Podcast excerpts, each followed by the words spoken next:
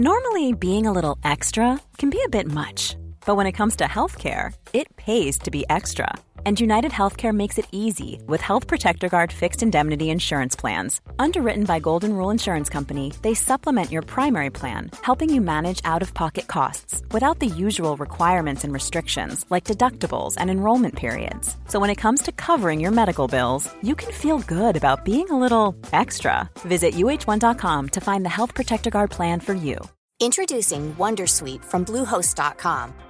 Website creation is hard, but now with Bluehost, you can answer a few simple questions about your business and get a unique WordPress website or store right away. From there, you can customize your design, colors, and content.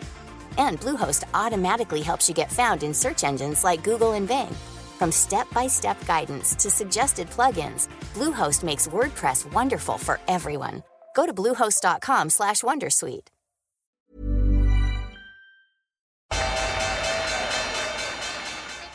They mistook leverage for genius. Leverage for genius.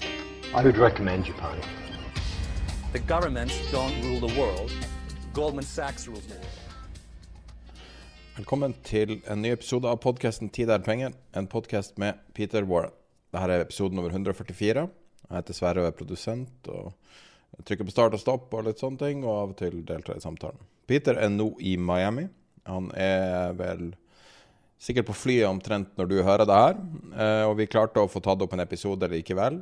Så eh, det er mulig at det er marginal reduksjon i kvalitet, men jeg tror det blir å høres ganske bra ut uansett. Og det er interessant å høre hans refleksjoner fra ei uke i USA, og hva som har forandra seg, og, og, hva som er nytt da blant de uh, proffe investorene uh, som han har møtt på denne konferansen han har vært på. Så da tror jeg vi starter med episode 144. Live fra USA. Tidlig, tidlig morgen. Ja, live, live, live fra Miami. Ja, du er blitt Florida-man. Ja, akkurat uh, klart å venne meg til uh, tidsdifferansen. Det er jo akkurat slik. Det er jo gjerne sånn det er idet du skal fly hjem. Men nå har jeg hørt at flyet er to timer forsinket, så, så det gir i hvert fall litt bedre tid i dag. Så halv, halv ni på morgenen der, er det det? Det er korrekt. Er korrekt. Er klokken, eh, klokken halv ni. Men uh, man er jo vant til å, å våkne. Altså man våkner jo stadig litt senere da man begynner å, å våkne sånn i tretiden om morgenen. og og sette seg opp og jobber, og, og, så blir det fem om morgenen osv. Men, men det som er det fantastiske med det, det er jo at du får med deg soloppgangen. Og det er, det er alltid vakkert. Eller er ikke alltid, er overdrevet, men stort sett så er det det. Og når du er på, på et hotell på Miami Beach, så, så, hvor rommet ditt vender ut mot sjøen, så er det helt fantastisk lys som kommer inn om, uh, om morgenen. Riktignok mye bråk, for døren er åpen. Døren til, til, til balkongen er, er, åpen, og det er utrolig mye som, som skjer på, på, morgenen. Med sånne, du hører sånne ryggesignaler fra, fra lastebiler, og de, de koster eh, rundt på disse walkwayene ved siden av, av stranden osv.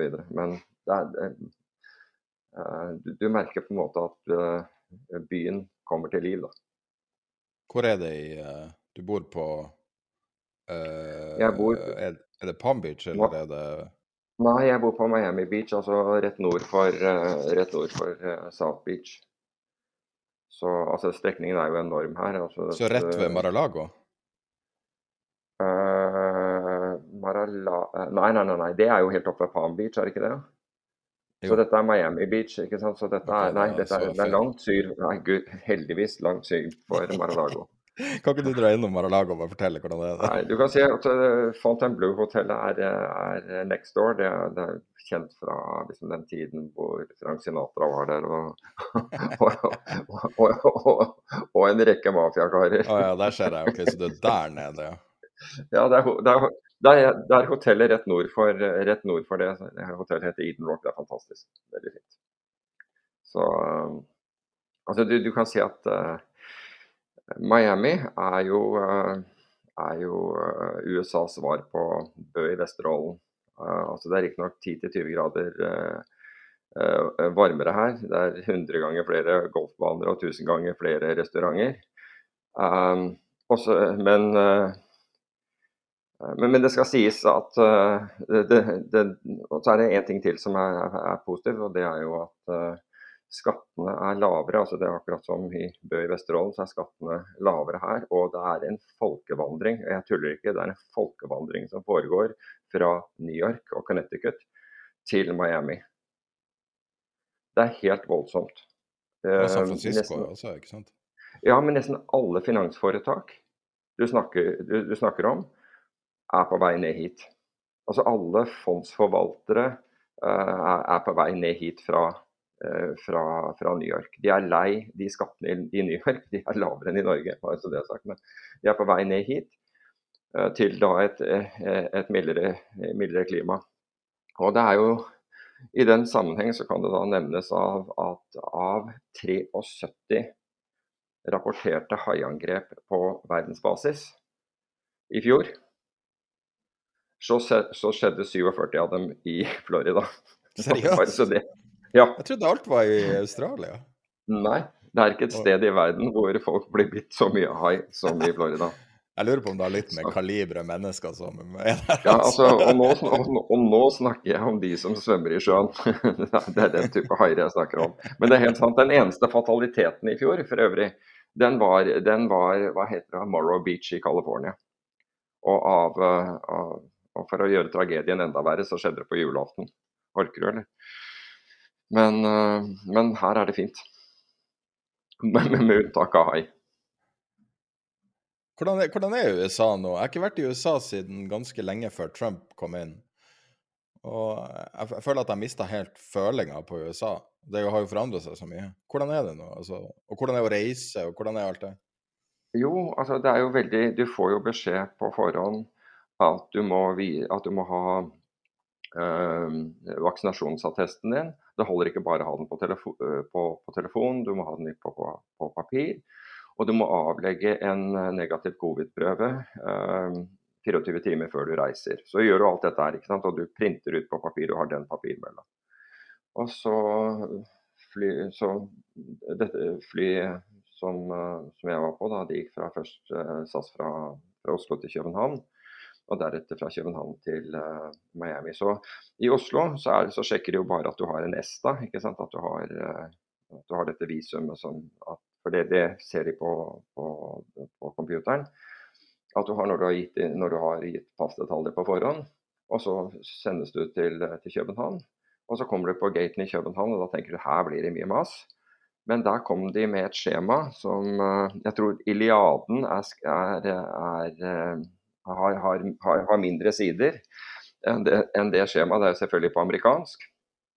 Og jeg mener Hvis alle skulle ha lest den, lest den til minste detalj, så hadde ikke flyet gått på, så, så hadde flyet fortsatt ikke tatt av. Og jeg har vært her i over en uke. Um, så du prøver å finne hvor skal du undertegne. Og så får du da, gjett hva du får for å undertegne. Blyant. Du undertegner skjema med blyant, og du, du ser bort på vedkommende og sier Really? Skal jeg undertegne dette med blyant? Ja, OK, greit. Og så tenker du at OK, det er den immigrasjonen i USA, der er, der er helvete løs. Så kommer du hit, da. Og da er det Dessverre så landet noen andre store fly samtidig, så det var to og en halv time i kø for å komme. Og så gjør du deg klar da, med, med, bunken av papirer som du har tatt med deg fra, fra Norge, med vaksinepass og, og covid og, og, den biten der. Og da sier han karen i immigrasjon nei, jeg skal bare, gi meg bare passet ditt. Så kikker han på passet. Hvor lenge skal du være? Glem, eh, glem det fingeravtrykk som du hadde før, det, ikke, det brukes ikke, ikke, lenger. Kikk inn i, inn i kamera. Uh, du forteller hvor langt hen. Rett inn. That's it. Det var det. Jeg trodde de skanna mobilen din og gjorde alt mulig. Ja, ikke sant.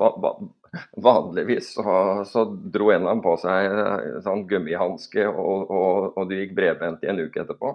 Men nå, nå, nå var det bare kom inn, ikke sant, rett inn. Og, og bortsett fra altså Uber, altså hvis du tar en Uber, så må, så må du ha, ha, maske. Men annet enn det altså, Du må ha maske når du går inn i butikker. De fleste butikker har en sånn sign, men ingen bruker det. Altså, de ser, de ser, på deg som du er fra out of space hvis du går rundt med, med, maske på deg. Så ja, her er det helt Det var ikke det, var ikke det jeg, jeg trodde. Jeg hadde, og jeg hadde snakket med kusinen min, som, er, som jeg tror jeg nevnte i en annen episode, er flyvertinne. Og hun sa at det var sånn at du måtte ha koronapass omtrent for, for, å komme inn i butikker og alt mulig sånt. Nei, glem det. I hvert fall ikke her. Ja, Det har vel litt å gjøre med hvem som er guvernøren. Han er vel en reell kandidat til å konkurrere med Trump. Så ja, det er mulig. Det, det er mulig. Så, men det er ganske greit, da, for å si det på, på, den, på den måten.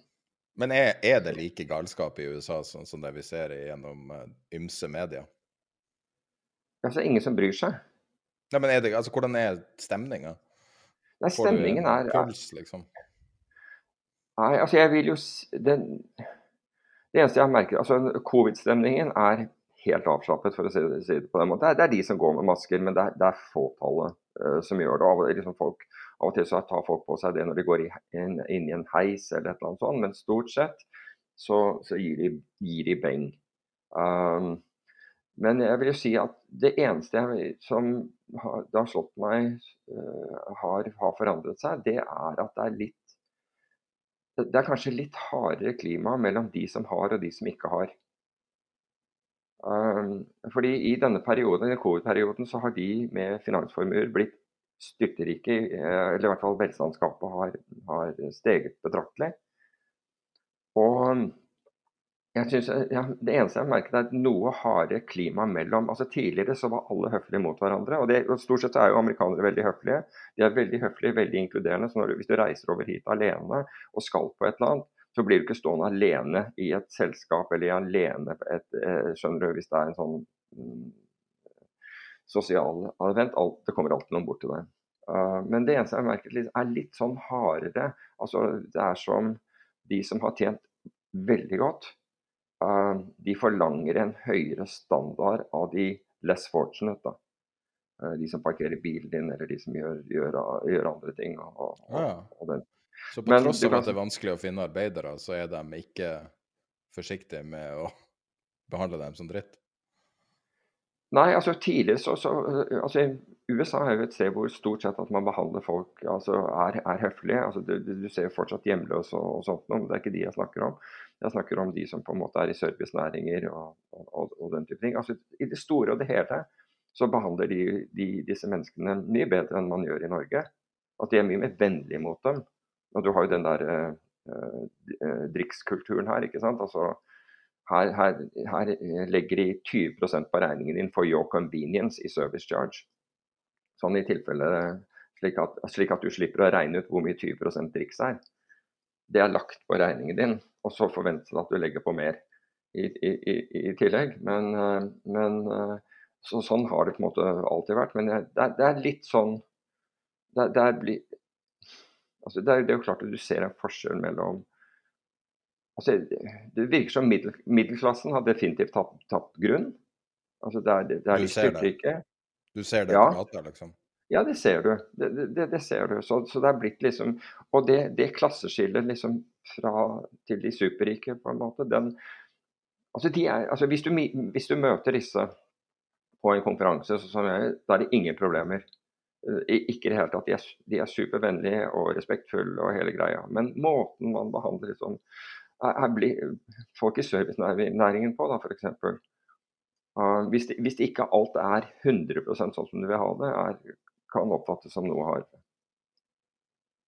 Men du kan si at nå har jeg, har jeg få observasjoner, da, så, så du, du, kan ikke trekke en konklusjon uh, nødvendigvis av det. Men det er eh, Altså, folk syns jo Altså, det Trump gjorde, altså det oppdager Altså, det som jeg, jeg, vet ikke om det var Det var for så vidt Trump, men, men folk for, forut for Trump var Følte at de, at de, ikke hadde noe å si. Altså, hvis, du, hvis du var lavt nede på, på Totempelen, heter det Totempollen heter det kanskje. Men lavt nede i hierarkiet sånn sosialt sett, altså lavere ned du var, det, så var det overmakt. Altså du fikk ikke du, du, du, telte ikke, du fikk ikke stemmen din, det, det, ingenting hjalp. Du kom ingen vei. Og for disse menneskene var Trump håpet. Så det var de med, med, spesielt med lav utdannelse, altså ta, de med de med huset fullt av våpen. altså, Det var den gjengen der som, som ville bli hørt. Og det ble de. Det, det, Trump gjorde at, de, at på en måte de, han var deres savior. Så de er fortsatt pro han. Uansett om, om de er overrepresentert i covid-dødsfall eller ikke. Det spiller ingen rolle.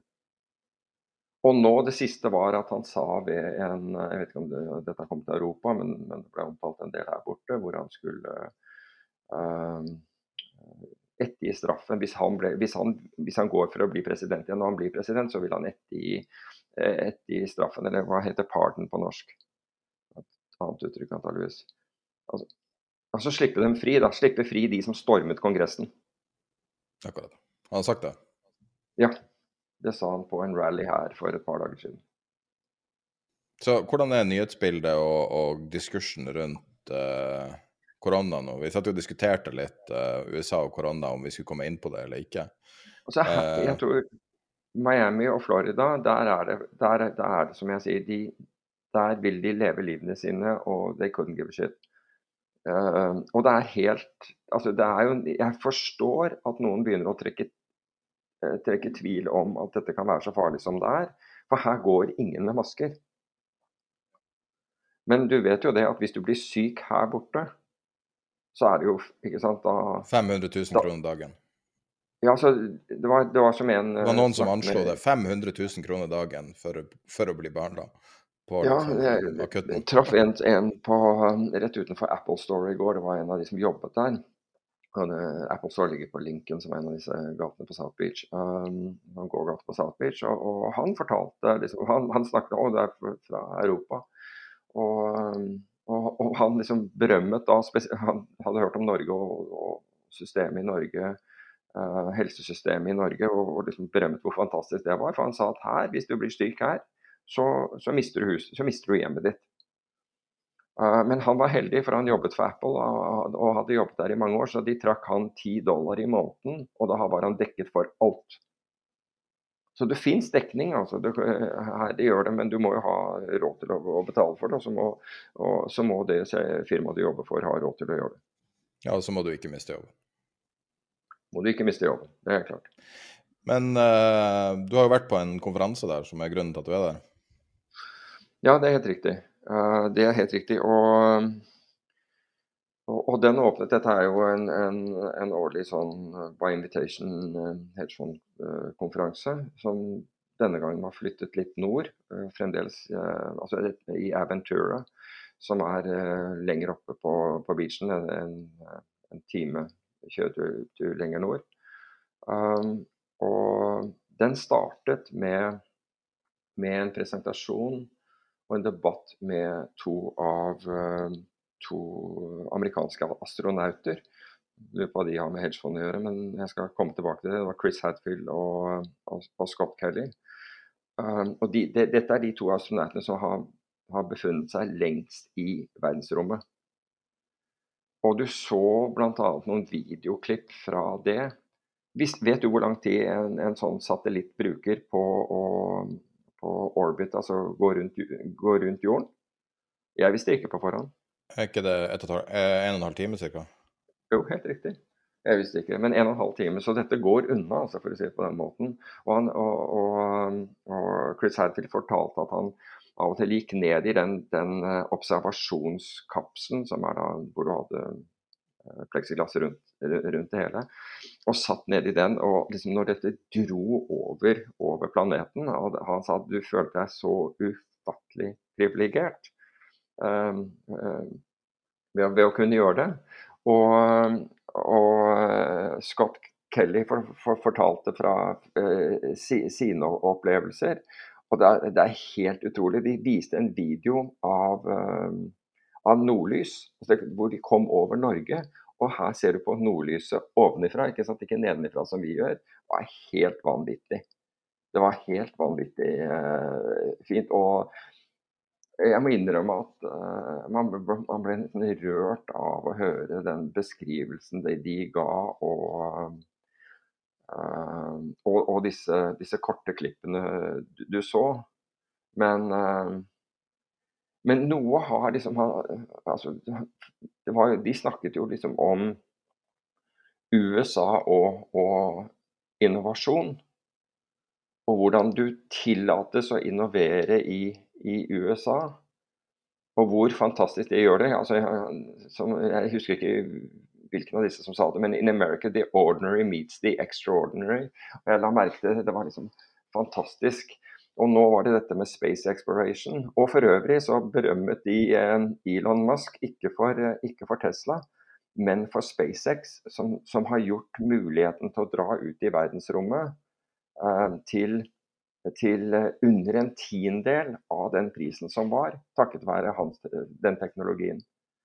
Og nå er det mange som skal ut der. Det er, jo selskaper som henter penger fordi de skal ut der og gjøre alt, alt mulig. Men som, som, en investor som, og en god venn som spiste lunsj hos på, på lørdag, sa hva skal vi ut i det? Vi, det, er som, det, er ikke som vi ikke har nok problemer her nede på jorden. Hvorfor løser vi ikke det i stedet for å, å, å fly, i, til, uh, fly, ut i verdensrommet? Det er for så vidt et poeng han, kunne, han hadde der.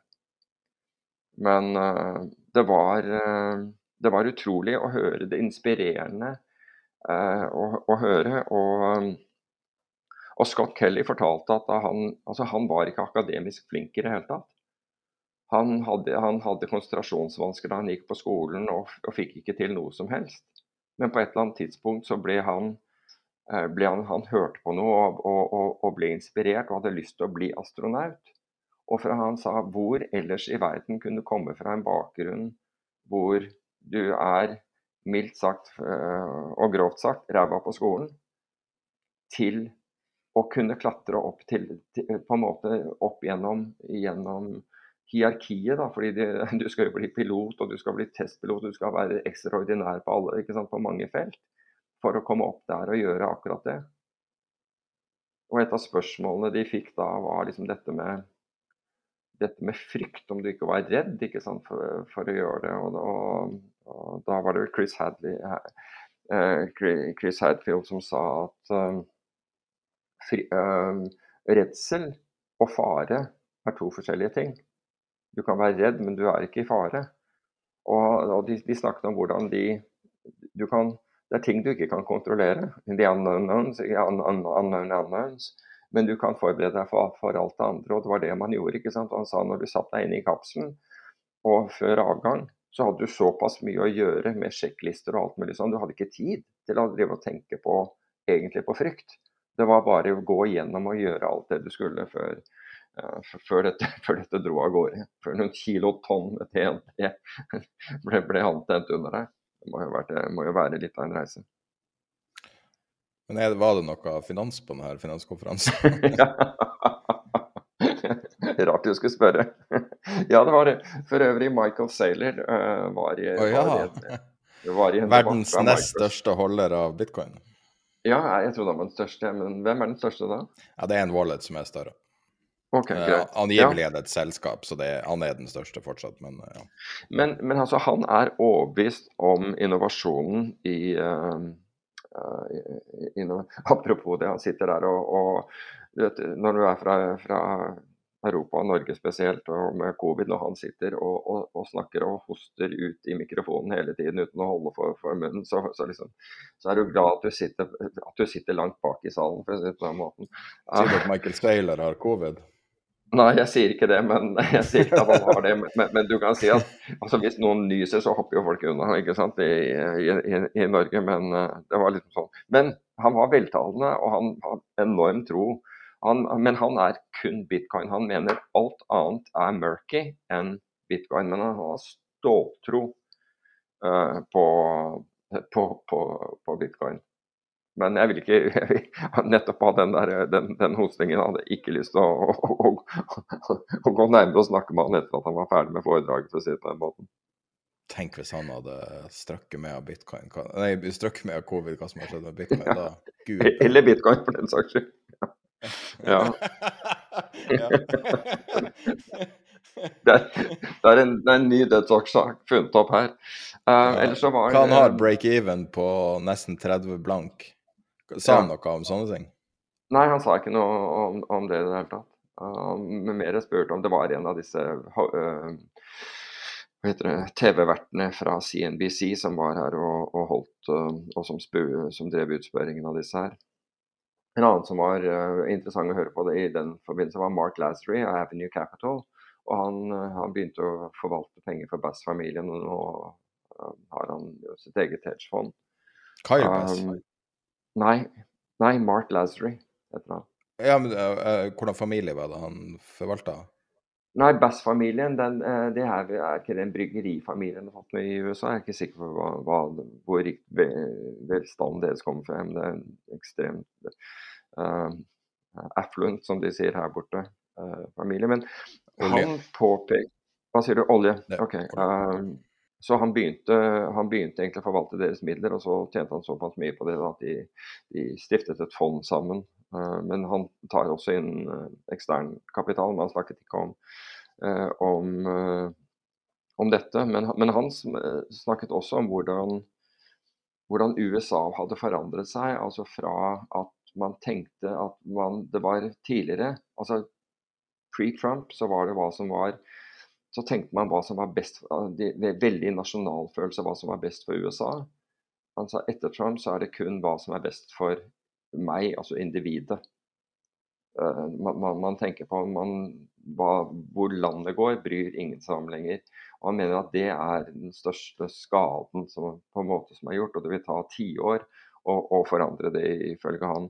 Men han sa noe ganske interessant, fordi han sa at da jeg, han sa hedgefond for, for, noen år siden. Da, altså du hadde the risk-free rate. Da, la oss si at the risk-free rate var på uh, var, var på 5 da, eller, et eller, sånt, eller, eller 4 risk-free rate, altså tidligere når statsobligasjoner lå, lå på det nivået, Uh, så skulle hedgefond altså så var det veldig bra hvis du, altså hvis, hvis du kunne levere fem ganger the risk-free rate, altså med andre ord 20% avkastning, så var alle fornøyd. Det var helt fantastisk. Det var liksom benchmarken. Og han sa nå, vi, nå har vi en risk-free rate på La oss si at den er, den er jo ikke en halv prosent i USA, den er lavere, men la oss si at den er en halv prosent bare for å ha et, ha et uh, positivt tall å, å, regne ut fra. Så vil det si at du, tjente, tjener, altså at du leverer en avkastning på 2,5 i året. Og det er, det er, jo fornuft mellom, mellom, de to tingene, nemlig at, at uh, antall ganger det risk-free rate det er, det, er, det er begrenset hvor mye du kan levere det uten, med, med, lav risiko. Da. Men 2,5 er det jo ingen som vil ha. Nå ønsker man jo ti ganger det. Nå tror man at man skal få 25% i året uten risiko. Det er, som han sier, det er jo helt absurde forventninger som markedet har til, til avkastning. Uh, og jeg må innrømme det var et interessant perspektiv å putte det i. da. Altså nem nemlig akkurat den der eh, en multiple på the risk-free rate som vi alltid snakket om uh, tidligere. Så Ellers så var, var, liksom de store temaene er den energikrisen.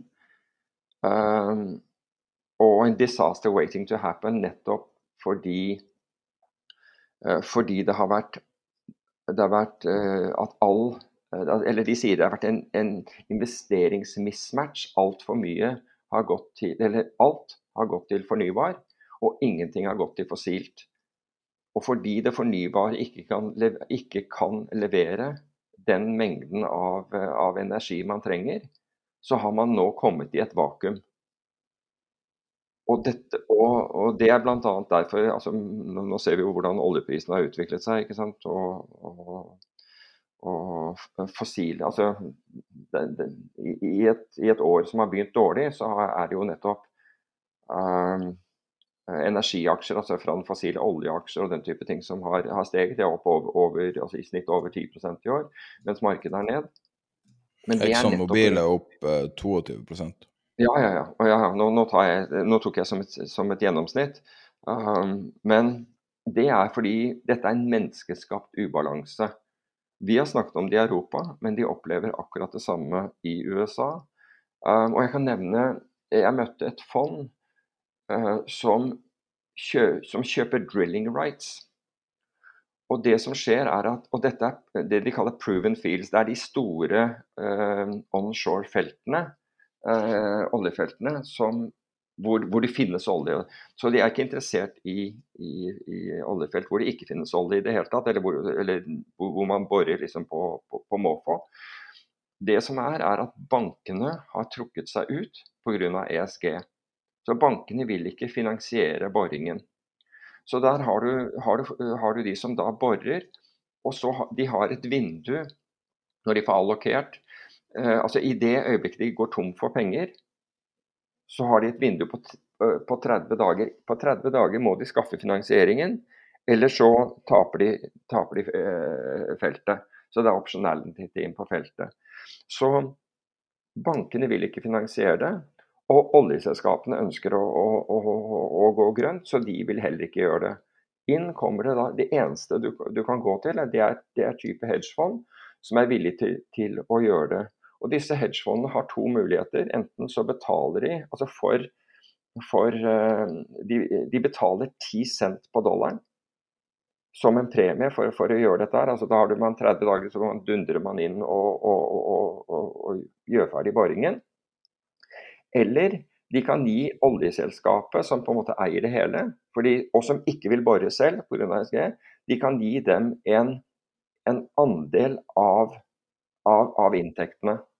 Den andelen hør på dette, for dette er interessant, den andelen blir ført som finansinntekter hos oljeselskapet, og dermed er grønnvasket. Skjønner du hva jeg mener? Ja, det er 'robbing Peter to pay Paul', kaller man det. Ja, Men, men de sier at det, altså, dette vakuumet som er blitt, dette, dette energivakuumet som er blitt, altså hvor man har satt seg i en posisjon nå hvor hvor alt går mot den fornybare sektoren uten å tenke på konsekvenser. Og når de ser til hva som har skjedd i Europa og, og i forbindelse med Ukraina, hvordan man har stilt seg der, så der, der er de helt hoderystende. Altså hvordan man kunne stille seg i en sånn, i en sånn posisjon og lure på hva politikerne tenkte når, når de, de, gjorde seg avhengig av Russland. Det er, liksom, det er sånn helt utenkelig. Men, men det samme problemet, på, men på, ikke, på samme skala, ligger her, ligger også i USA. Så, og hvis du ikke hadde hatt public money, da, altså gjennom, gjennom, uh, gjennom hedgefond, eller gjennom også andre fond for den saks skyld, men det er, det er få, men det, de kommer seg Altså de tar De ser den, den, det behovet, og, mens, mens banker og oljeselskaper ikke kan ta del i det.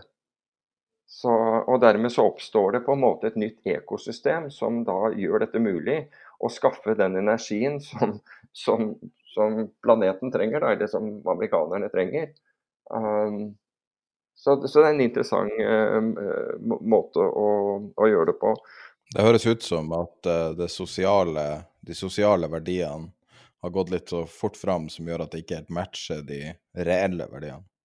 Jo, men det er jo det vi har snakket om. Det er jo akkurat det vi snakket om i Europa i Norge, og altså med kabler og hele den biten. er at den, Det er jo en geopolitisk usikkerhet i Europa pga. Russland, Ukraina og, og, og, den biten der. Uh, som er mer, altså som man burde vært mye mer våken uh, i, i, i, forhold til. Det er jo helt utrolig. Det er jo helt utrolig når, når det fremdeles er politikere som sier at dette kunne vi aldri ha forutsett. Det er jo helt utrolig. Virkelig. At det der skal gå. Mens her, er det også, mens her har man også bygget ned, altså man har, eller laget et system hvor man ikke får vedlikeholdt det energibehovet. Nå skal det sies at amerikanere kan, Det er mange måter altså, Du tenker på antall elektriske biler i Norge. altså Når du er på veiene, så ser du stort sett elektriske biler. De, flertallet tror jeg må være det. I hvert fall flertallet av biler solgt i fjor var elektriske. Her så jeg tror jeg har sett tre eller fire elektriske biler. Jeg vet ikke hva USA har som ikke har som Norge har. 100% skatt på bil. Nettopp. Altså her koster jo ikke biler noe. Så og, og, det har du rett i. Det har du rett i. Men, eh, men, men det blir jo litt sånn der hvor mye altså, Mensa her, hvor, hvor, mye hjelper det egentlig at uh, man, man, kjører helgrønt i, uh, eller nesten helgrønt i Norge, når, når, du ser, når, når, du ser, trafikken her? Og her er det mye trafikk. Altså. Det, altså, det er ikke New York-type trafikk, men det er mye trafikk her også. Uh, det er helt klart.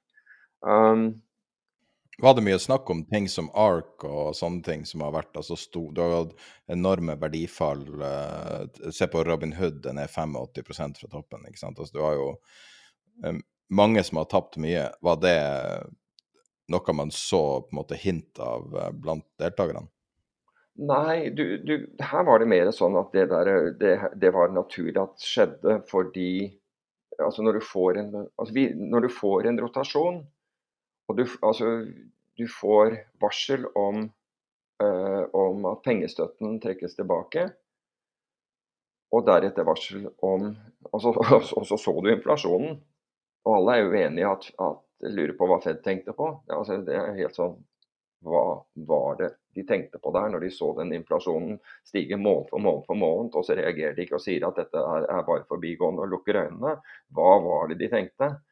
Det er en sånn irritasjon. Men det, samtidig så skaper det muligheter. For mange har da tatt posisjoner på basis av dette og kunne, og kunne utnytte dette. Men samtidig så får du det, det naturlige altså Når rentene stiger, så, så skal du neddiskontere fremtidige inntekter som er langt, eh, langt frem i tid. og Det går ut over teknologiselskaper og det mer risikofylt du er på den kurven. altså hvis det er veldig fremtidsrettet og, og nyskapende og unproven technology som, som bl.a. ARK eh, er inne i, så vil det skje. Det er ingen som egentlig føler en dramatikk med det. Altså det, det er jo bare gravitasjon. Dette er jo bare helt naturlige eh, sykler.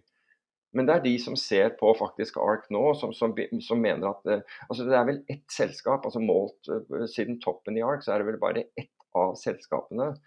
Og det er vel et sånn biotech-selskap eller noe sånt noe som Mark Holder som er opp. Ellers er hele porteføljen ned. Um, men som mener at det kan være noe verdi den, begynner å være noe, noe verdi i den porteføljen, for den er så utbombet som, som, den er. Men samtidig så opplever jo Cathy Wood store innløsninger som gjør at at hun kan bli tvunget til å selge, eh, selge, det som er bra i porteføljen, fordi en del av det andre er, er mindre likvid, rett og slett.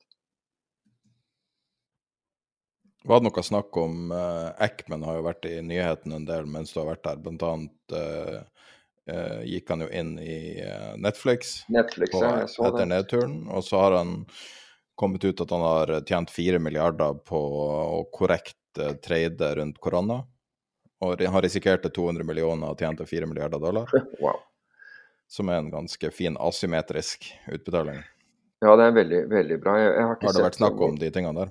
Nei, det, det, var faktisk ikke det. Han var ikke nevnt, uh, i hvert fall ikke som, som, uh, som jeg hørte. Uh, det, det, du så Hvis jeg bare fullfører rundt ARK, altså dette i krypto, så, så, er det jo så er det jo de som nå lager vesentlig bedre Eh, indekser som man kan handle i. Du, mens de fondene som er her, det er ikke sånn nå er jeg long krypto og NFT-er og du skal gjøre alt mulig sprøtt, men det er de som driver med arbitrasjemuligheter innenfor krypto. Um, og de handler mellom de forskjellige børsene. Og det finnes nå prime-brokere innenfor krypto, slik at du får offset. altså med andre ord Hvis du er long på Eh, på FTX eh, og, og, short krak, på, på Kraken f.eks., så får du matchet disse, disse cashflowene mot hverandre, slik at du får ikke vanvittige marginkrav. Og Der var det folk som tjente jevnt og trutt hele, hele, hele veien. Men det som var interessant, og det er at det er enda mer konsentrert når det gjelder børsene. Du vet du har masse plattformer som du kan, du kan handle krypto på, men det er blitt konsentrert. altså alt volumet går ned til jeg tror det var fem, uh, fem, uh, fem, plattformer, hvor FTX er en av de, de viktigste. Og det som er det å si, Hvorfor går det ned til disse fem? Jo, for de tilbyr derivattype produkter, altså uh, futures forwards, mye billigere enn CME. CME er for, er for dyrt, så, så, det handles mindre, mindre der kunne de fortelle. Altså, det er greit hvis du skal handle én gang og gå long eller gå short. Men for, for, å handle frem og tilbake og gjøre arbitrasje og den type ting, så, så var ikke den aktuell i det hele tatt. Binance var en annen enn og, og disse. Men volumet konsentreres stadig mer mot disse. Og alle andre er, altså, alle andre er egentlig plattformer som disse bruker for å som disse skanner for å hente eh, for, for, å hente ordre som er helt utenfor markedet. Skjønner du hva jeg mener? Altså hvis du, altså når bitcoin faller og, og, og, og, kjøpskursen står igjen på en av disse her, da smelter det til den. Liksom. Men ellers så men det er, og, det er også naturlig. Det akkurat det samme skjedde i valuta. At det ble konsentrert mot noen få plattformer. Og så begynte teknologi å komme inn i bildet. Med, med Elmax i London, som da hadde superior eh, teknologi, slik at man kunne knytte seg til det. Uh, de gikk raskere osv. Da plutselig begynte de å få volumer. Men du skal, være, du skal tilby noe spesielt. altså for at du, at, at du skal ellers så, ellers så, er kostnadene dine med å handle krypto mye dyrere enn, en det er andre steder.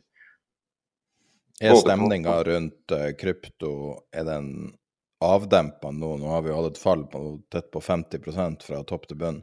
Ikke i det hele eh, tatt. Ja. Ikke, ikke det hele tatt. Altså, det, altså, krypto er liksom som en del av det finansielle økosystemet nå. Så, I, I, rommet, mener du? Altså blant proffene? Ja, i rommet, og også på, på tilbyderne. altså F.eks. JP Morgan, Morgan Stanley, Goldman Sachs, alle disse her med tilbud. Eh, hva, det, det, er, stadig flere ting de tilbyr innenfor den verden. Og, og de, det er nesten som de ikke ser på prisen engang. Og det, det forbauser meg. Men, men, du kan si for de for, for de, som, de, som, investerer i krypto, så er prisen veldig viktig, men, men de har funnet et, et, eget økosystem her. Um, apropos så var Mike Novogratz, han var en av uh, var her. Og, og han, han, han, er han, er ekstremt negativ, ikke til kryptomarkedet spesielt, men til markedene eh, generelt. For han sier at eh, markedet, altså investorene, er overeksponert mot det illikvide. Og ARK har jo en del av det illikvide i, i, i, sin portefølje, absolutt. Men, men de snakket om pri, eh, private equity, venturekapital og alt mulig. der. Altså, man har altfor stor andel mot illikvide deler av, um, av uh, den finansielle sektoren, og det var en bekymring. Så, men ellers, altså, det, det, var tre, altså, det, var tre, fond som på en måte utmerket seg for meg. Den ene som jeg nevnte, det var den som kjøpte uh, drilling rights, altså til, uh, rettigheter til å bore. De kjøpte det i annenhåndsmarkedet. De besto av det var, det var, fem karer der som, som, drev dette fondet. Alle med Den ene hadde jobbet for Vitol, altså en av de store råvare, råvaretraderne. De, de, kom fra oljeselskaper alle sammen, så de hadde ekstremt god bakgrunn. Og det var, det var den, den var veldig interessant. Så var det Northlander, som jeg har snakket om tidligere, dette fondet, som drives av en, av en svenske som, som, Jeg vet ikke om han snakker svensk, men han bor, han, han bor i hvert fall her i, eh, i USA. og det, det, var det fondet som var opp 147% i fjor. Han heter Ulf Ek. Og han, han utrolig interessant. og om han launcher nå et, bl.a. et karbonfond som skal, som skal trøyde i opsjoner på, på, på CO2. Eh, sertifikater. Eh, veldig interessant betraktning av, om, om, markedet. Og så hadde du et annet, et annet fond.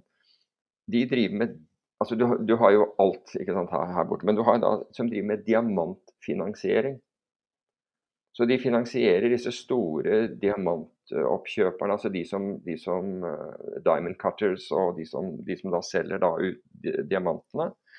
Um, og er den eneste i bransjen som gjør det, og, og, og har levert til investorene mellom 7,5 og 9,5% avkastning. Altså det er som et, en obligasjonsportefølje. Den er, de, de, har, eh, de har 130 eh, eh, sikkerhet.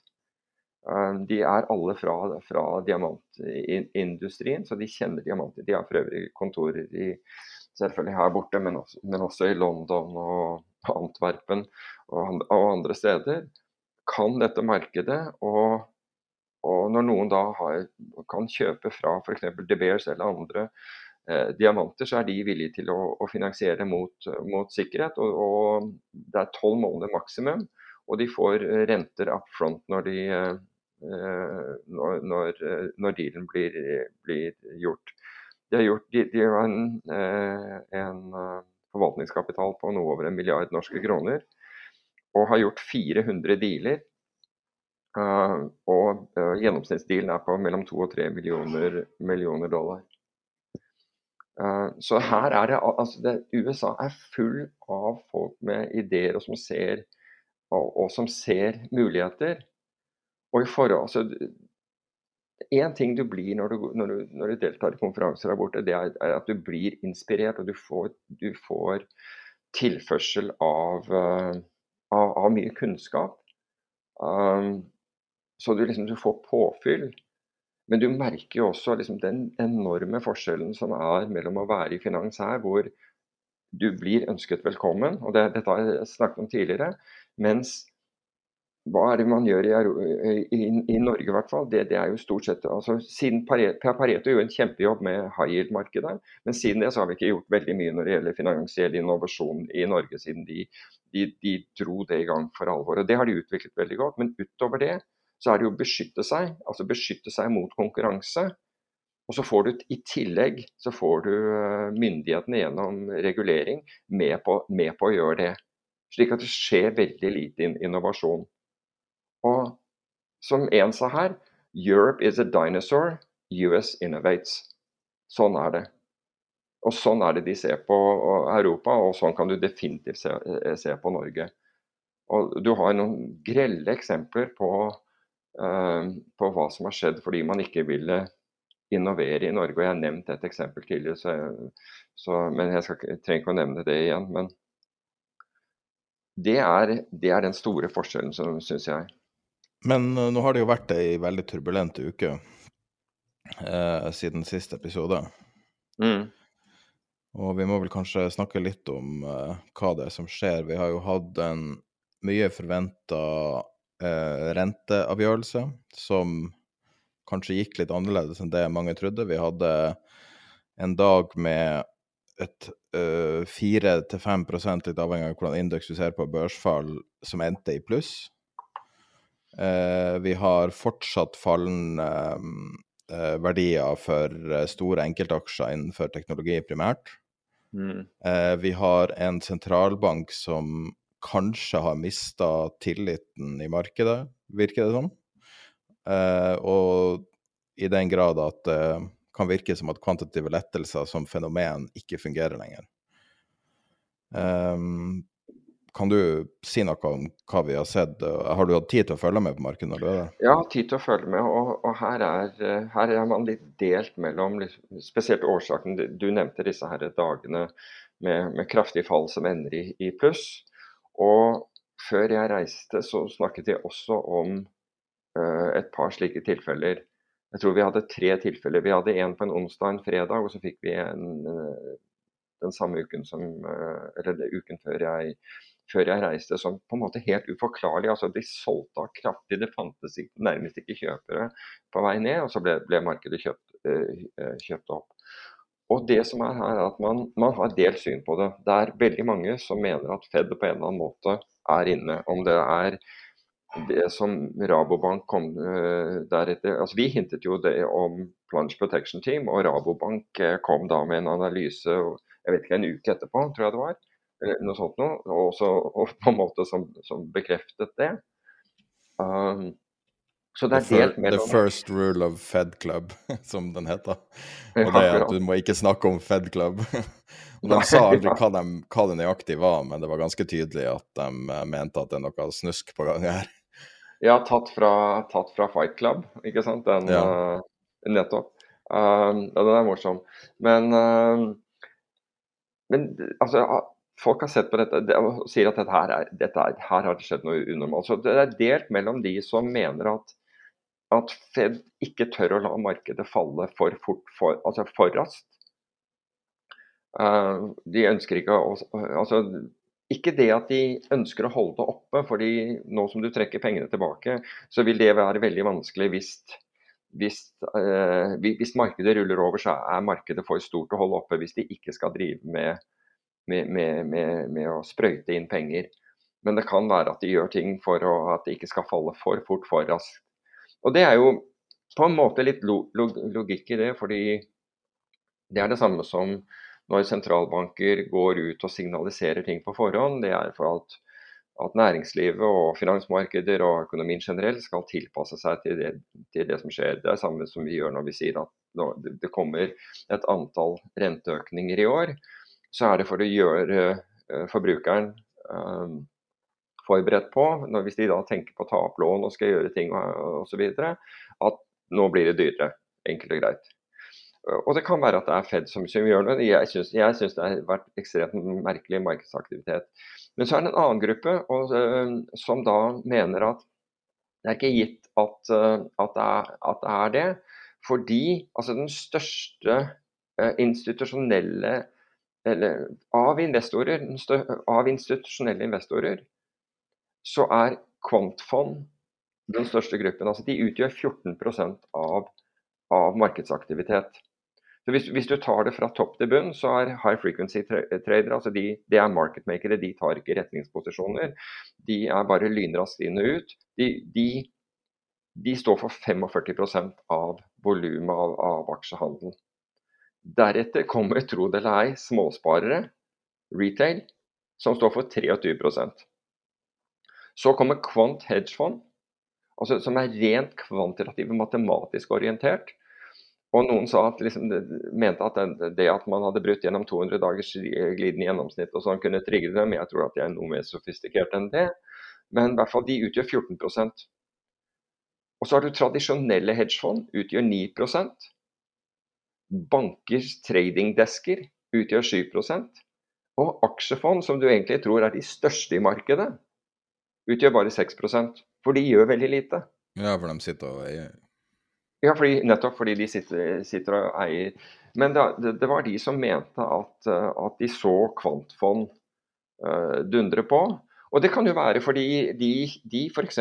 kjøper uh, altså kjøper billig og selger dyrt. altså De, de tar jo veldig sjelden netto uh, posisjoner på markedet. Men la oss si at de vi har jo sett veldig kraftige rallies i Du nevnte nå sant, teknologi som var så kraftig oversolgt. så Det kan være at de kjøpte teknologi og solgte noe annet mot det.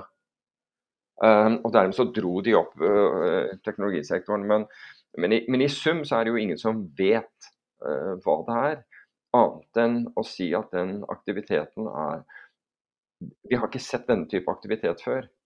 Akkurat denne, denne type aktivitet Eller vi har sett den, men det er, det er mange mange år siden vi har sett uh, uh, tilsvarende aktivitet. og vi kan jo også si at det er ting vi ikke har sett før. For vi, vi har ikke sett et så dårlig start på året for Nasdaq noen gang. Mm. 50 års historie. 50 års historie, det er negativt, det er, det er negativ eh, for, for, de aller fleste aksjemarkeder. Og dette er, dette er, januar som er på en måte Og, det er morsomt, fordi man har jo sagt at liksom, hvis du har en positiv januar, det, det forteller liksom, det, eller Utviklingen i januar signaliserer utviklingen for resten av året. Og nå, alt, nå, tyder jo alt på, hvis du ikke får en sånn kraftig oppgang Nå har Oslo stengt for dagen, men eh, det vet jeg ikke om det er? Eh, nei, om en time. Ok, Men hvis du ikke får en sånn eller, veldig sterk oppgang, så vil også Oslo være. USA er ned. Eh, ved starten på året, og USA er verdens viktigste markeder. fordi det, to tredjedeler av verdensindeksen er, er, er USA. Men, du, men, jeg kan love deg at alle som har brukt den, som har sagt det hver eneste januar hvor dette har vært, og, og som har sagt at positiv januar, da har du positiv ned resten av år, de kommer til å finne en annen unnskyldning for hvorfor du, du skal ha positiv år. Vil du, høre noen andre, vil du høre noen andre år som har vært uh, dårlig januar? Den nest ja, verste januaren 2008. Den tredje verste var 1990. 1990. Så 2016, 2009. Så 8 og 9. 8 var jo et forferdelig år, 9 var jo et sensasjonelt år. Hvis du ja, klarer å kjøpe da, Ja, for da bundet ut i, uh, i første kvartal, så vidt jeg husker. Og så 2010, 2005 og 1978.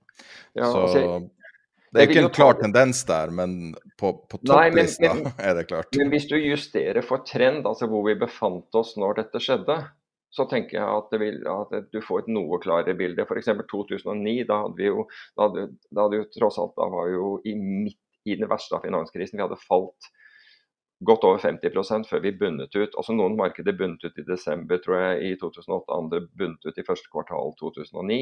Ikke? Så, så En ting du kunne si om 2009 var at du var i hvert fall ikke på toppen av noe marked. Mens hvis du ser nå, så, så, er du, så er det jo veldig veldig nær toppen. Så hvis du tar 2008, da var du, det var toppen osv. Så, videre. så hvis du justerer for hvor du befant deg, så er det kanskje noe, noe sterkere bilde. Men dette er fremtiden, og ingenting Altså, vi, vi, vet ingenting om Vi vet lite om fremtiden. Vi vet én ting da om apropos retail, og det har vi jo snakka masse om tidligere, at retail favoriserer korte, daterte opsjoner. Nå har vi litt tall på det også. da. 50% av alle opsjoner som er trada retail, er mm. ei uke eller kortere til expiry, altså til at de utgår. Så det her er ekstremt kortdaterte opsjoner, ren betting, i veldig mm. stor grad. Ja, ja. ja jeg tror det. drevet fram av kunder av Robin Hood, skulle jeg tro. Mm. Ja, det vil ikke forundre meg. Det vil, det vil altså, uh, og, jeg, og, og, disse som er opsjonstradere her borte, de, er, de sier jo at dette har vært en fantastisk reise for dem. For retail om du vil feilpriser opsjoner, de, de, bryr seg ikke om de, hvis, en, hvis, en, opsjon er, er, 20 cent, så skal de ha den, for den er billig. Det spiller ingen rolle om, om den ikke er billig i forhold til, til alle andre opsjoner i, den, i, uh, i, det selskapet. Skjønner du hva jeg mener? Altså sånn, ja, de regner ikke på, det i det hele tatt. Ikke i det hele tatt. De vil og ha flakslodd. Ja, og det gir fantastiske muligheter for, for, disse som er kvantitative, som, som tenker på opsjons, opsjoner som matematikk. Fordi de kan da kjøpe de billigere opsjonene. altså Når, når retail driver, driver, og kjøper en, en, sånn opsjon som jeg nevnte på 20 cent, så kan de stå og selge den til krampavtalen fordi de kjøper en, en, opsjon, eh, en annen opsjon veldig mye billigere for å dekke den risikoen. Og dermed så får de så, så øker utfallsrommet deres, altså det positive utfallsrommet deres hver gang, de, hver gang de handler. Så for dem så har det vært veldig bra. og du ser de som har, Nå er det jo en artikkel i Wall Street Journal i dag faktisk om hvem som tjente på bl.a. GameStop og, og, disse andre. Og vet du hvem som virkelig tjente mye penger på GameStop og uh, uh, ja, den, den memestock-perioden? Det var meglerhusene Morgan Stanley og Goldman Sachs. Og J-Sol gikk av gårde med 35 millioner bonus nå. De, de måtte, de måtte redus, reduserte de ikke, Jeg tror de måtte redusere utbyttet pga. at eh, de skulle, på grunn av at de skulle utbetale så store bonuser. Men uh, det er jo Vi har jo en link i alle de her linkene og alle de her grafene vi henviser til, legger vi ut i nyhetsbrevet også, hvis du ikke mm. abonnerer på tiderpenger.no. nyhetsbrev.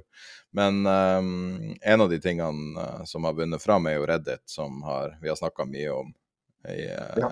som var en veldig viktig del. Og, og da ligger vel Condi Nest tror jeg, fortsatt som stor eier, og det har jo steget mye i verdi, selv om med litt sånn tvilsom forretningsmodell. så ja, altså Jeg var jo ikke klar over at Reddit var et selskap. altså Jeg måtte spørre deg om det, fordi jeg leste i denne artikkelen at det?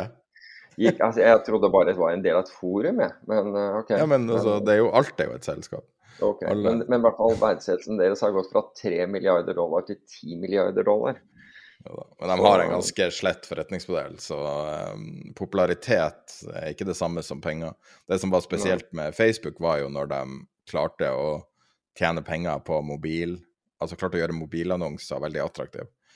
Og uh, Reddit har jo et, et, veldig, veldig svakt fundament på inntektssida, mm. så uh, jeg skjønner ikke helt hvor den verdsettelsen kommer fra, annet enn trafikk. Det må jo være utgifter mer enn inntekter, da. Eller, ellers så traff jeg Bare for å ta en liten digresjon, hvis jeg kan. altså Jeg traff i et, et av disse her Uh, gatherings etter, uh, etter, konferansen, så, som for øvrig Galaxy har arrangert, da, selskapet til uh, Mike Novogratz. Så, så, så, treffer jeg en tidligere SAC, altså Steve Cohen, hedgefond, forvalter. Han har vært hos Citadel og har vært hos Steve Cohen og driver nå sitt eget hedgefond. Og han fortalte om hvor mye av, av SAC som Billions er basert på, altså den TV-serien Billions. Og, og, og, hun Denise Scholl, som da har gått til, til sak mot uh, Andrew Ross Sorkin, altså hva heter produsenten, fordi hun mener at uh, den mentaltreneren er, er, basert på henne. Um, og hun ikke har fått penger for det. Uh, hun, hun, hun, ønsker å få penger for det, og ifølge han så er det helt, uh, så er det helt feil. For det var, var basert på, på Ari Kiev, psykologen Ari, og han, Ari Kiev var bl.a. hva heter det, sånn sports mentaltrener osv. Så, videre. så han sa at den, den, det han den er basert på. Arkivet er for øvrig død men jeg har noen av bøkene hans hjemme. Um, og han, han, sa også og hun, den kvanten uh, som, er, som, er, som er, der en hen, uh, det er han, mente han. Så um, han veldig ålreit fyr. Jeg skal se om vi ikke kan på, prøve å få han på, på, på, på podkasten. Han var kjempeinteressant. Hadde ma masse peiling. Var det noe snakk om Fed uh, når du har vært der nå? Jeg har sett nå at uh, Bank of America har uh, nå estimerer syv rentehopp i 2022. JP Morgan har jekka opp til fem. Det er fire mm. som er prisa inn. Det er I dag så hadde JP Morgan en analyse som sier at Fed må kutte 1000 milliarder dollar i balance-sheeten i 2022. Altså for å på en måte matche kan man si, forventninger og matche det de sier om ja, det er det som er mm. estimert, og at, at uh, altså det motsatte av kvantitative lettelser, som er quantitative tightening, QT, at det kommer til å mm. vare til kanskje 2027. Det er altså, ganske altså, det, bearish. ja, altså den generelle holdningen er hoderystende overfor, overfor Fed og, og Powell. Hoderystende overfor at de, kunne, at de kunne bruke så lang tid ingen kan egentlig forklare det, annet enn, enn at det gikk prestisje i det. Og de ville ikke snu og, og håpet, lukket øynene. Kanskje han hoppet han fikk sparken? Det slo meg akkurat. Kanskje det var strategien hans? Å bare kjøre kvantive lettelser helt til han ikke får ny uh, tillit hos Og så fikk han, han ny tillit. Han, ja, det var akkurat det. Men han kunne, jo, han kunne jo da sagt at vet du hva, jeg har ikke lyst på jobben lenger. Ja. Og så, og så, gitt dette rett i fanget på en eller annen. Først har eh, Michael Saylor covid, og så uh, i henhold til deg. Ja. Nei, jeg har ikke sagt det. Jeg har ikke sagt det i det hele tatt. Han hosta.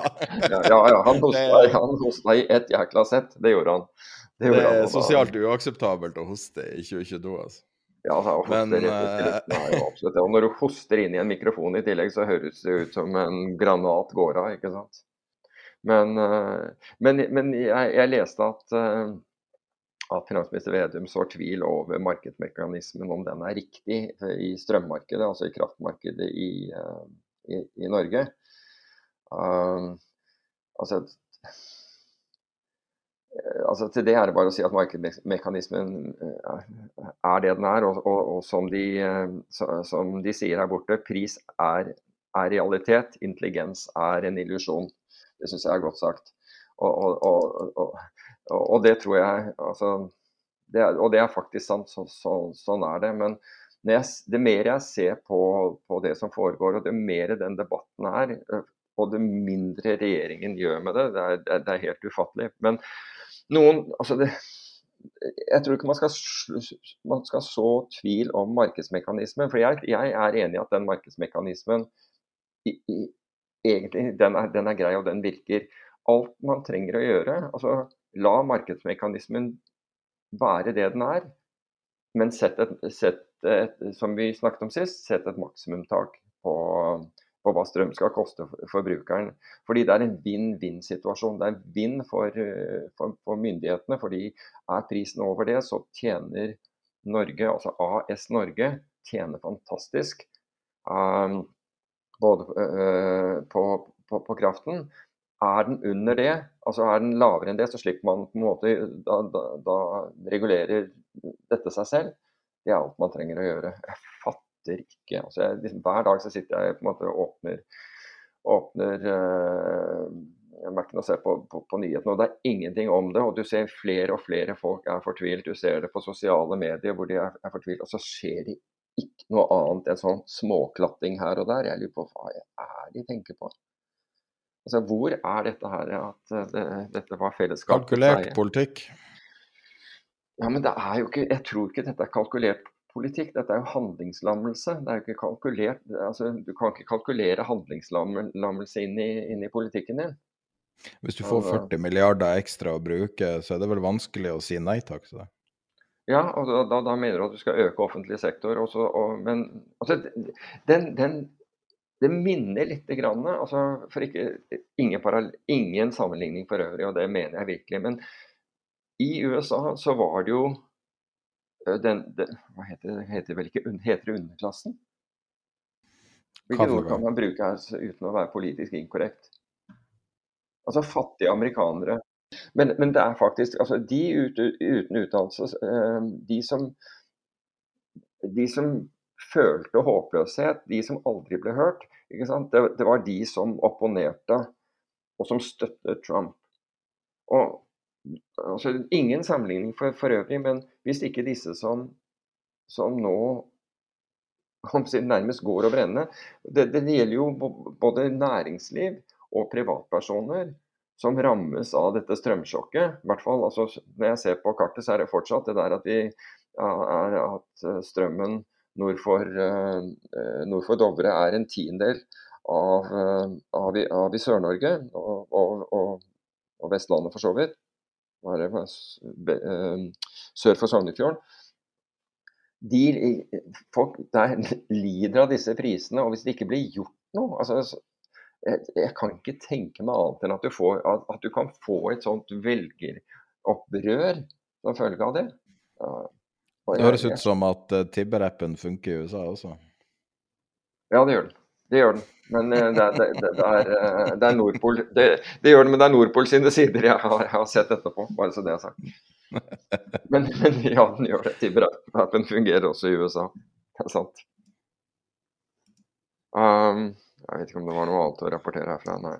Ja, nei men det høres ut som eh, at ting kanskje ikke er så ekstremt som det vi tror det er når vi ser det på sosiale medier og, og, og medier generelt, og at kanskje at uh, ting i USA er litt mer sånn som ting i USA alltid har vært. Er det en, er det en konklusjon du kan komme med? Ja, jeg vil jo jeg vil si det. Altså, det. det. du ser, er at det har Altså, de med veldig høy velstand har altså, du ser så mye og Her flyr det inn så mye corporate-dietter, eh, altså privatdietter, inn til uh, Miami flyplass som jeg aldri har sett før. Um, så, så det, er, det, er, det, er, helt klart at det er, en, det er den gruppen av de superrike har blitt ekstremt velstående. Og vet, og vet, du hva de er opptatt av? Nei. De er opptatt av å overleve og, og maksimere, fordi at Altså babyboomerne er nær pensjonsalder eller har pensjonert seg, og de rike har en relativt høy snittalder. Og når du ser nå det der selskapet Altos Lab som henta tre milliarder i en tidlig venturerunde nå nylig, som har eh, eh, forskning som indikerer at de klarer å reversere aldring, at sånne type ting eh, på en måte kommer fram, er, det, er, det, mm. altså er biotek sånne ting som dukker opp i konferansen, eller er det for spesialist til å være på en sånn konferanse? Nei, det, det kan være det. Det kan være der. Men uh, altså, biotek er jo venture. Altså egentlig en type investering, ikke sant. Du, uh, og, det, og biotek har blitt kraftig rammet det, det siste, siste, året. Men tre milliarder dollar i tidlig runde? Jeg skjønner ja, nesten ikke hva de skal ja, bruke tre milliarder dollar på. Det er bra mange ansatte. Ja. Uh, nei, det har du Den er, uh, den er voldsom. Uh, det er jeg helt enig i. Men ap apropos, det er én ting til. Uh, når det gjelder dette med, med, skatteflukten, altså Du har skatteflukt fra, fra New York til Miami, men du ser de altså gründere nå. Mange av dem flytter til Puerto Rico. Og spesielt innenfor krypto, for der er mange som har tjent veldig mye penger. Um, de flytter til Puerto Rico. Så, så, du kan si at selv med vesentlig lavere skatter her, så, så, så drar folk til, til enda lavere skatteland, for å si det på den måten. Jo, men du vet jo hvordan det er det der. Altså, Norge drar til Sverige for å kjøpe billig sprit. Svenskene mm. drar til Finland, finnerne drar til Estland, esterne drar til Polen, polakker drar Nei, tyskerne drar til Polen, Og polakkene drar vel til Hviterussland, tror jeg, for å kjøpe. Sånn at det er alltid et sted som er billigere. Ja det, ja, det er mulig du har rett. Det er mulig du har rett. Um, skal vi ta noen av disse lytterspørsmålene, for det har dukket opp uh, underveis her. I, I, denne uken skal vi ta noe om det? Det kan vi godt. Altså det, ene, det, ene, gikk jo på at mange sier at bitcoin er en inflasjonshedge. Men når rentene øker, faller bitcoin. Og når rentene falt, økte bitcoin. Uh, om vi kan snakke om inflasjonshedge. Altså jeg, jeg tror ikke altså Inflasjonshedge vet jeg ikke om altså Det er inflasjonshedge på den måten at det blir ikke flere bitcoin, det blir 21 millioner bitcoin. Det, det, og du får ikke inflatert den valutaen, altså om det er en valuta, men la oss kalle det for er kryptovaluta. i hvert fall. Um, og du får, du får, ikke inflatert den mengden. Om bitcoin er en inflasjonshedge mot det vi kaller generell hedge uh, av inflasjon, sånn som den inflasjonen vi opplever nå, det er uprøvet. Det er absolutt uh, uprøvet. Um, så, så, jeg vil ikke si at, at du, du, kan hevde det. Når men jeg kan hjelpe deg med altså, hvordan skaffe seg en inflasjonshedge. og da, da, formoder jeg at vi snakker om den, den ordinære inflasjonen, den vi opplever med, med, med, med dyre priser, dyre mat, dyre strøm osv. Det er faktisk å være investert Altså råvarer er, er antageligvis den beste inflasjonshedgen. Og og da tror jeg det er veldig risky å forsøke å plukke enkeltråvarer, fordi det vil de, andre, de aller fleste det, det, er vanskelig, og du, det er bedre å diversifisere antageligvis gjennom å kjøpe en råvareindeks eller en ETF, eller et eller annet sånt, hvis man skal beskytte seg mot, uh, mot inflasjon. Problemet er jo at, vi, at mange, mange, av disse råvarene har steget uh, mye allerede. Um, og det samme er, Du kunne si at aksjer er en god altså aksjer i, i solide selskaper som har, har, har, god inntjening. og som kan... Eiendom også. Eiendom også, Men altså, problemet er at både aksjer og eiendom er på en måte i, i øvre sjiktet av kostbarhet allerede. Jo, men med inflasjon så går jo Altså, vi har jo sett inflasjon tydelig i eiendom, så hvis det kommer mer inflasjon, så er det vel ingen grunn til å tro at eiendomsprisene stopper her? Nei, men, men det er bare fordi det, du, du, ligger an til altså du, Samtidig har du renteøkninger og, og, ting som kan påvirke dette negativt. Jeg, jeg føler, altså Hadde du alt annet like, så hadde jeg sagt ja. helt, Og det hadde jeg sagt om aksjer også. Men fordi aksjer er priset høyt i forhold til, eh, i, i forhold til det vi vanligvis aksepterer av prising på aksjer, og eiendomspriser også er høye, og du har en renteoppgang, eh, så er ikke det helt altså det er, så er bildet mer komplekst enn det. Men hvis du ser på råvaremarkedet, så, så råvaremarkedet har vært underinvestert i i en rekke år. Så det at det har steget en, en del på forhånd betyr veldig lite, fordi etterspørselen etter råvarer, flaskehalser og alt dette, som, som, skjer, gjør at vi all sannsynlighet vil få mer, mer, mer eh, drag i råvarene fremover. Altså Du ser jo nå altså bare aluminiumsprisene der de er. får jo da, er det Norsk Hydro, Alcoa og flere andre må begynne å stenge eh, smelteverk pga. Eh, høye strømkostnader osv. Så, videre. så det blir mindre produksjon. Og vi har investert veldig veldig lite i råvareproduksjon over de siste årene. For det har, det har liksom ikke vært et populært sted å ha penger. Og det gjør at det tar tid for å bygge opp, opp produksjon for å, for å, møte etterspørsel. Det er derfor jeg er mer positiv på, på den. Og det er selvfølgelig også selskaper da, som driver innenfor råvarer. Du kan gå dit. Du kan ha selskaper som da påvirkes av f.eks høy etterspørsel etter gass, høy etterspørsel etter olje. ikke sant? Alt dette, dette her. Det er en, men det, det er mer en sånn stockpickers-marked, uh, dette her. og det er, det er, en årsak til at vi i november fikk 20 milliarder dollar i inflows, altså netto innskudd inn i hedgefond. Det er nettopp fordi uh, du har uh, For folk vil diversifisere, og man mener at man kommer i en periode nå hvor, hvor deres egenskaper og ferdigheter kan, kan, komme til sin rett. Jeg fikk det samme spørsmålet av en venn av meg som sa liksom Og jeg har aldri tenkt så mye over hva som er inflasjonshedger. Eh, og jeg vil foreslå en alternativ tilnærming. Hva med å investere i seg sjøl, med den ideen om at eh, hvis dine kostnader kommer til å gå opp, så kan det være lurt å få dine inntekter til å, komme, til å gå opp. Og med å investere i seg sjøl, så er det større sjanse for å få det til. Ja, Definere investere i seg, i seg selv, hva tenker du på? Nei, altså noe som gjør at du blir mer attraktiv eh, i forhold til inntektskilder, eller finne alternative inntektskilder i tillegg, eller utdannelse, eller hva det skulle være. Det tror jeg alltid man skal tenke på å, å gjøre. Det tror jeg alltid man skal få fokusere på. Jeg tror aldri man skal slutte å, å, å gjøre det. Men kanskje mer nå, det, det, det kan godt hende. Men jeg tror aldri du skal slutte, øh, vi skal slutte å, å, gjøre det. Um, jeg tror det er kjempeviktig for um, altså både, både, mentalt for oss og, og på, på, alle andre måter.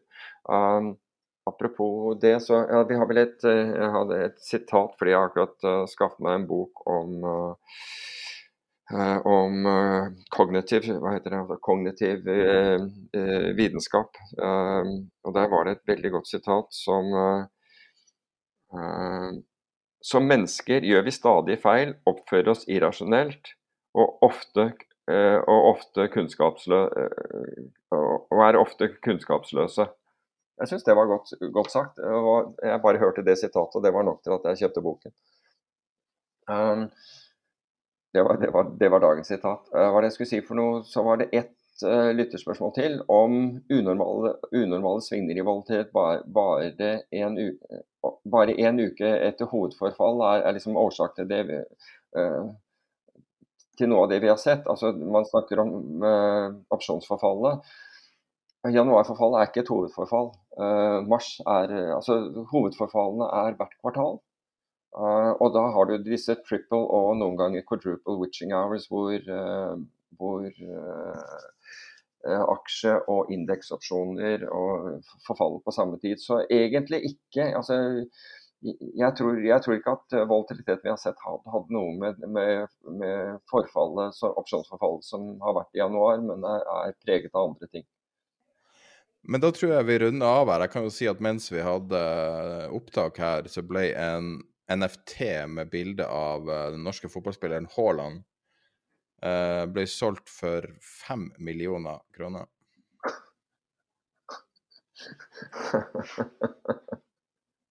Det var noen som delte det på vår chat.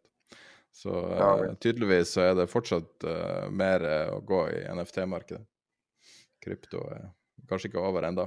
Ja, du, apropos helt på slutt, siden du nevner det, så du at det var en, en bank som var villig til å låne penger mot sikkerhet i NFT, uten å låne ut penger med sikkerhet i NFT.